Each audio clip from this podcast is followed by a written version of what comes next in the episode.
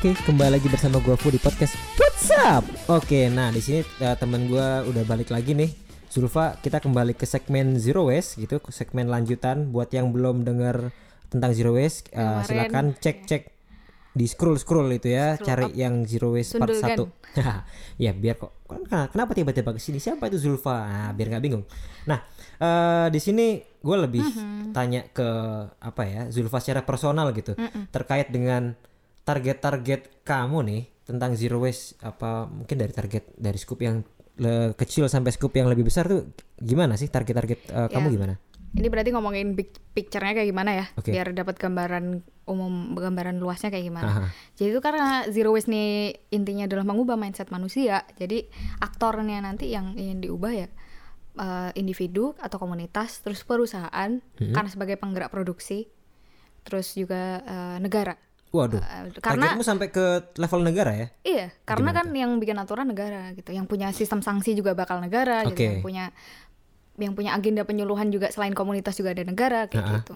Jadi ada tiga pihak itu ya. Jadi buat orang-orang yang selama ini eh, berpikiran masih pragmatis, jadi lingkungan ke lingkungan apa sih solusinya kan tambal sulam gitu. Terus buat apa gitu? Buat apa se- apa apa per orang individu bikin kebiasaan zero waste buat apa kalau orang tetap eh, sampahnya nggak kepilah dan sebagainya. Makanya butuh itu komprehensif gitu loh pihaknya. Iya sih, gue pernah Hmm. denger nih eh, ada celetukan kayak semisal, eh lo jangan buang sampah dong. Ngapain gue biar aja sih gue buang sampah biar itu petugas kebersihan ada kerjanya. Nah itu menurut lo kayak gimana sih? Ada ada Hmm. celetukan-celetukan kayak gitu? lucu menurutku mindset kayak gitu lucu soalnya aku tinggal balik aja kalau pakai logika itu ya aku coba ada di kasus lain misal Hmm. eh eh, yang jual peti mati yang jual kain kafan nganggur loh kalau lu nggak mati Mati aja lo maksudnya? gitu.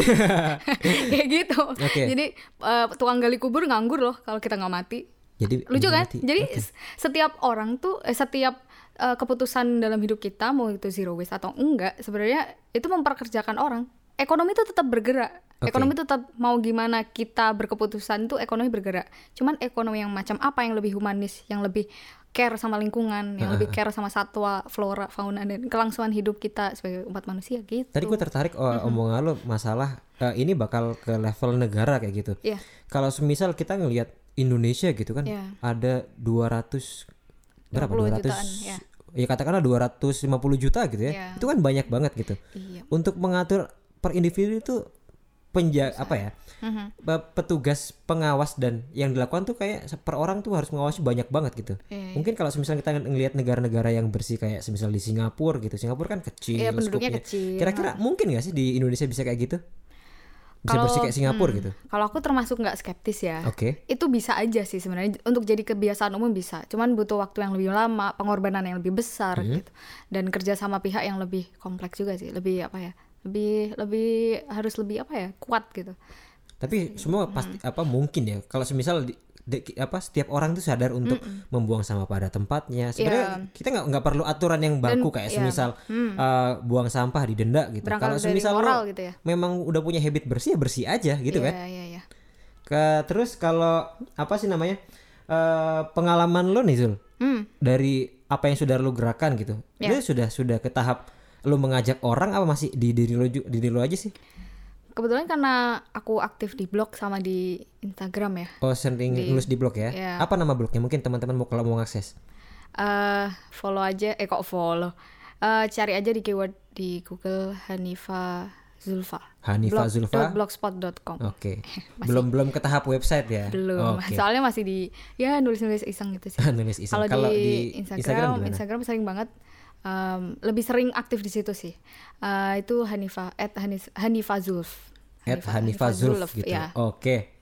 Eh, buat yang pengen kepoin Zulfa lebih Iya. dalam bisa tuh. Eh, oh iya ya. Nah, itu gimana aku, tadi? aku sendiri eh bentar, aku tambahin dulu ya. Buat informasi sebenarnya informasi yang lebih lengkap so- soal zero waste tuh aku sendiri bukan ini ya, belum merasa aku menjadi influencer yang concern di ini. Jadi aku kayak eh, masih membutuhkan informasi lengkapnya itu dari akun-akun yang memang concernnya di zero waste. Kayak misal Zero Waste Indonesia, yang dia punya website juga. Oh ada ya? Terus ada lagi Sustaination. Sustaination. yang juga uh, beberapa dari mereka tuh punya produk yang dijual gitu loh. Mereka kayak Oh. one stop shopping beberapa produk yang teman-teman kalau tertarik kan biasanya nggak semua orang tuh uh, bisa apa ya tuh sempet untuk ngeproduce sesuatu yang ramah lingkungan sendiri kayak misal deterjen deterjen sekarang kan bisa sebenarnya bisa dibuat dari uh, biji jarak Bahan-bahan yang atau lebih apa pokoknya yang, yang lingkungan tradisional gitu ya. dari yang apa cara alami gitu nah semua orang kan nggak bisa ya kalau Hmm. dipaksa buat gituin nah itu tuh mereka tuh punya punya, solusi punya solusi yang pengganti tinggal beli oh, lah deterjen gitu. yang ini Ah. banyak ininya banyak Walaupun tuh, busanya iya, merusak itu- lingkungan gue punya Nah, sama kemasannya juga oh jadi Sam- shampoo itu Untuk- ada yang bar juga oke terus maksudnya dalam artian zero waste ini bisa menjadi juga. komunitas baru gitu ya betul Untuk jadi peluang ekonomi. ekonomi, baru tuh terus buat Hmm. teman-teman tuh yang apa pengen concern di mencari energi ter eh, energi terbarukan lagi Eh, solusi terbarukan untuk sampah gitu ya lu Iya. cari itu bisa menjadi solusi tuh Iya.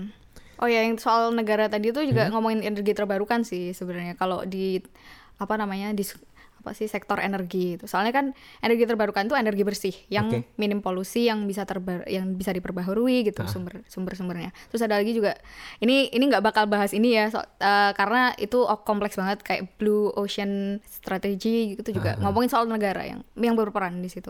Oke, itu Hmm. kalau dari pengalaman Zulfa ya. Cuman kalau semisal gue lihat untuk zero waste ini tuh kayak suatu yang utopis gitu. Lu bayangin aja, lu kalau semisal nggak ada kemasan tuh gimana? Lu datang ke mana-mana harus bawa Ya. plastik sendiri. Itu kalau semisal uh, dalam ukuran kecil cuman dipakai untuk kita kita aja. Apalagi kita kan orang Indonesia kan sukanya kumpul, suka guyup, suka bagi-bagi makanan. Iya. Itu gimana ceritanya lu gak pakai plastik? Gini, jadi itu salah satu dari miskonsepsi zero waste sih. Oh, miskonsepsi gimana tuh? Hmm, awalnya juga aku sebelum ngerti mendalami soal zero waste juga skeptis gitu apa sih maksudnya zero waste eh, ini banget nggak nggak mungkin banget gitu soalnya kita hidup tuh pasti menghasilkan limbah sampah gitu Oke. Nah, kalau soal plastik tuh nggak semua orang nggak semua pihak itu bisa dipaksa tanpa plastik sama sekali ya karena yang diminimalkan itu adalah penggunaan plastik sekali pakai kayak gitu Lebih Yang ke less waste sebenarnya, cuman less untuk- waste iya kayak misalkan ada uh, buat kayak pihak-pihak medis gitu ya Mm-hmm. di dunia medis justru plastik sangat membantu untuk uh, menjaga higienitas mereka sterilitas Mm-hmm. mereka gitu gitu kan maksudnya bayangin aja misal jarum suntik nggak dibungkus plastik uh, Waduh, darahnya ke mana-mana gitu ya. Em, bukan bukan Oh, bukan, soal bukan. ini soal bersih enggaknya gitu yang dari Oh penyimpanan, Iya, penyimpanan jadi ya. untuk medis tuh itu perkecualian lain. Untuk kehidupan sehari-hari yang sebenarnya nggak pakai plastik itu nggak apa-apa, itu kayak kayak nenek moyang kita dulu juga bisa hidup kok. Jadi tanpa- gunakanlah secara bijak, lebih kayak gitu ya. Kalau dari kearifan lokal pernah nggak sih ngamati di uh, pasar-pasar tradisional atau beberapa makanan yang sebenarnya dari dulu tuh uh, biasa banget orang ngebungkus pakai daun pisang, daun jati, Oh, atau iya. makanan-makanan basah yang dibungkus pakai bambu yang dianyam gitu. Kayak tapi-tapi kan juga biasanya Iya. disimpan. Iya. Iya, padahal kalau misal ngelihat dari uh, gaya hidup zero waste ini orang-orang dulu sebenarnya sudah sudah menggunakan gitu ya. Iya, iya. Kalau semisal katakan lo lu beli uh, makan makanan katakan uh, ini lemper gitu. Lemper kan masih pakai daun pis apa daun pisang gitu. Mungkin untuk uh, sekarang mungkin karena komunitas kebutuhannya banyak nyari daun pisang di kota susah akhirnya mereka berlari ke apa ke plastik gitu ya Iya. Hmm. tapi kalau sebenarnya lu ngikutin gaya-gaya apa tradisional itu sudah sudah zero waste. Gue kirain zero waste itu suatu hal yang baru loh. Hmm, hmm. Eh, jadi kalau se- selain itu mispersepsinya ada apa lagi sih, Sisil? Em, ribet ya masih karena Ribet ya? iya buat buat orang-orang yang eh, belum terbiasa sama gaya hidup ini pasti kan eh, butuh penyesuaian ya tahapan pertama tuh menolak aja itu udah udah bagus banget menolak kayak misalkan ke supermarket ke beberapa tempat atau di menolak ke kafe supermarket? eh sorry menolak apa tuh plas- plastik ya Oh, pas Eh, di, kantong di plastik lu iya waktu ada ini mau dikasih jangan lu Hmm, ya, nggak usah tadi ya. gitu terus misal ditawarin di kafe gitu ya misal sedotan eh, mestinya kita nggak usah pakai langsung minum atau kita punya stainless atau dari bambu gitu atau langsung buat beberapa orang nggak mau nggak mau pakai apa sedotan yang apa berkali pakai itu langsung diminum aja dari gelasnya Tapi bisa gue aja gitu. pernah nih, kadang-kadang ribet juga kan. Katakanlah kayak gini. Gua nih pengen ngurangin sedotan apa penggunaan sedotan plastik sekali pakai Iya. gitu kan. Nah, tapi kan itu kan kadang-kadang di beberapa kafe atau tempat ya, restoran itu kan sedotannya sudah dicemplungin. oh iya iya Kalau semisal Hmm. mau kita nggak pakai juga, ya itu sedotan udah udah nggak mungkin Ya. dipakai lagi kan. Iya, iya, iya. Terus gimana tuh? gini kalau udah terlanjur udah dikasih gitu ya kasusnya ya itu udah Ya, gimana pakai aja. pakai aja daripada kalau udah terlanjur kalau ada kesempatan menolak tolak kalau nggak ada ya udah awalnya aku taunya dari influencer dari dari luar sih ya namanya Lauren Singer aku taunya dia dari YouTube TEDx gitu terus eh, terus waktu di Instagram waktu di Instagram tuh ada This is Bright atau Oke. Bonnie Wright Hah? itu yang itu loh yang jadi istrinya Harry Potter. Oh, Iya, istrinya Harry dia- Potter dia juga penggerak ini ya, zero waste ya. Iya, dia di kehidupan nyatanya dia oke. aktivis juga gitu. Itu tuh- gitu sih. Terus habis itu karena dia mereka orang luar ya, terus Hmm. terkesannya juga eh maksudnya dia dia artis gitu kan. Terus yang Lawrence Singer ini juga salah satu pionir lah ya di Mhm. Amerika kayaknya ya dia. Terus em, ya dari benda-benda yang dia eh, Populerkan, publish, gitu publish, ya. ya. Yang yang pastinya belum ada di Indonesia dulu-dulu awal waktu aku belum kenal beberapa channel atau akun-akun dari Indonesia gitu. Jangan-jangan tuh sudutan dari dia gitu ya. sudutan SJW itu kalau kata orang-orang tuh.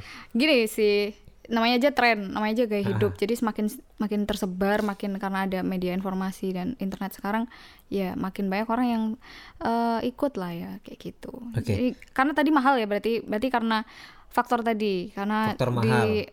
eh, faktor mahal eh, bukan faktor mahal miskonsepsi eh, Oh iya, zero waste sorry. itu mahal padahal enggak. Itu keputusan mereka aja sih mau bikin Ah. mau eh, mau mau orang mau punya produk Beri- zero waste yang mahal yang reusable atau atau, apa enggak enggak gitu gitu. kan. Ha-ha. Sebenarnya di rumah kalau ada orang yang punya botol plastik, kita dulu anak-anak TK kebiasaan gak sih bawa botol minum sendiri? Dan Iya itu sih, bawa harganya gitu ya. harganya juga bervariasi kan, nggak harus Ah, ah, ah. nyebut merek nih, nggak harus Tupperware gitu kan. Apa pun pokoknya yang bisa di di dipakai lagi kayak gitu. Oke. Tidak beli sesuatu yang tidak dibutuhkan intinya itu deh. Terus yang lain adalah tanpa plastik sama sekali. Tadi udah pernah disinggung nggak sih? Yang bukan berarti tanpa plastik gitu ya. Oke. Karena kan ada benda-benda kata gua yang nggak- nggak terlalu Iya. harus apa Padahal enggak lingkungan juga. gitu. Iya, at some point eh, at some point tuh plastik bagus dan perlu kayak misal di medis kayak gitu. Terus intinya gunakan plastik dengan bijak sih. Kalau ada pilihan untuk beli yang selain bahan plastik, ya belilah yang selain kemasan plastik. Kayak- Oke. Kayak gitu. Terus tentang yang terakhir, mis- miskonsepsi yang lain adalah Hmm. meng- tentang menyelamatkan bumi. Bawaannya kayak zero waste tuh, aku pengen menyelamatkan bumi. biar Superhero, bumi- superhero gitu Biar ya. bumi awet muda atau Iya, kayaknya di Marvel juga nggak ada kan superhero zero waste tuh nggak ada kayaknya. Iya nanti kau eh nanti kamu bikin aja, Mas. gitu ya. Iya, namanya apa ya? Jadi superhero nya itu mulai dari kita. super powernya apa? Super powernya adalah kita Kesadaran. tidak menyampah. iya.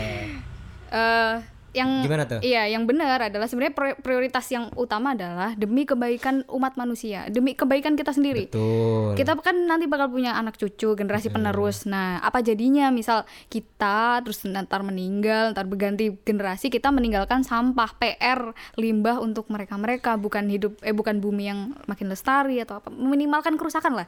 Iya kayak misalnya kita lagi Iya. liburan gitu ke pantai, mungkin kita masih bisa menikmati pasir-pasir yang, Iya. yang bersih gitu. Iya. Masa anak cucu kita lagi mandi ke pantai sama oli, Iya. sama bekas-bekas ini sampah, sampah enak sampah plastik banget. iya benar kalau nggak ada orang yang tergerak pasti bisa bayangin gak sih kehidupan eh kondisi bumi kita 10 20 50 tahun ke depan kayak gimana Mulai mungkin ada yang punah ya. mungkin ada binatang yang punah gara-gara sampah plastik ya Oke. Terus kalau me- menurut lo kira-kira ini bakal efektif nggak sih? Apa sejauh mana? Apa cuman bakal does it work doang? gitu ya does it work soal eh ya kayak gitu tuh eh, sebenarnya ya efektif efektif efektif aja. Karena buktinya ada orang yang sadar dan mempraktekkan dan kemudian menularkan filosofi gaya hidup itu gitu. Contohnya aja kalau di perusahaan ya yang yang ada perubahan sistemnya tuh kayak Coca-Cola sama Pepsi sama Unilever tuh di beberapa negara tertentu sudah punya sistem refill. Terus terus juga enaknya kalau di luar negeri itu ya karena maksudnya udah banyak orang yang sadar dari berbagai pihaknya termasuk pemerintah dan perusahaan itu kayak kalau di Jerman nih yang aku Hmm. tahu itu kayak ada mesin buat ngumpulin botol botol plastik kalau orang terus juga Oh, iya, iya, bisa, iya. ya kan bisa Kayak balik kan ada berapa euro apa gitu, gitu. ada Oke, berapa berapa euro terus kalau kita ngumpulin berapa Hmm. terus juga buat air nih it- eh, di luar di, di di beberapa negara maju yang mereka menyediakan banyak eh, apa tuh? Air bersih? Air bersih akses iya. air bersih yang kita tinggal mencet wastafel ya apa eh, keran gitu Bisa dia- diminum gitu ya kan? buat orang yang bawa tumbler atau botol eh, berkali pakai yang ke mana ke mana-mana akan sangat mudah untuk sangat membantu. eh, sangat membantu banget kayak gitu. Kalau di Indonesia emang struggle-nya lebih sih karena kita masih merintis sih. Secara komunitas belum belum banyak perlu di masih perlu diperbanyak lagi. Terus ya gimana? Hmm, yang in- intinya sih ya buat melakukan memulai zero waste ini tuh eh, tanamkan mindset dalam diri, tanamkan mindsetnya, pemikiran kita tuh kalau apa pun yang kita lakukan demi bumi ini eh, yang mengurangi sampah, meminimalisir limbah itu nggak sia-sia. Wala- Oke, oke. Walaupun belum banyak orang yang melakukan kayak kamu misal kayak gitu. Terus ya awalnya menolak mengurangi terus bisa memakai kembali atau merecycle kemudian membusukkan bagi yang bisa nanti uh, pokoknya banyak baikin baca deh banyak banyak baikin referensi terus nambah kenalan teman yang punya concern kayak kamu kayak gitu. Terus kalau buat aku pribadi sih aku harus kuatkan niat keyakinan kalau uh, namanya aja manusia gitu. Aku diciptain sama Tuhan biar jadi khalifah gitu di muka bumi gitu. Kalau hmm. bukan aku yang uh, menjaga bumi ini sebagaimana amanah aku hidup di bumi siapa lagi kita gitu. ini pemimpin hmm. dari diri kita sendiri dari minimal itu gitu. ya terus jadi niatin ibadah aja hmm. gitu uh, niat tulusnya itu sih buat ibadah karena ibadah kan nggak hanya buat diri kita sendiri dong orang lain buat alam gitu Iya iya betul betul. Uh, aspek horizontal lah. Tapi gue menarik sih sama sama omongan lo gitu, yeah. niatin ibadah gitu. Indonesia kan termasuk apa negara yang paling religius gitu. Hmm. Dan semua Masa agama gue yakin mungkin karena ini mengajarkan masalah kebersihan yeah, gitu yeah, kan. Yeah, yeah. Tapi kenapa kita belum bisa bersih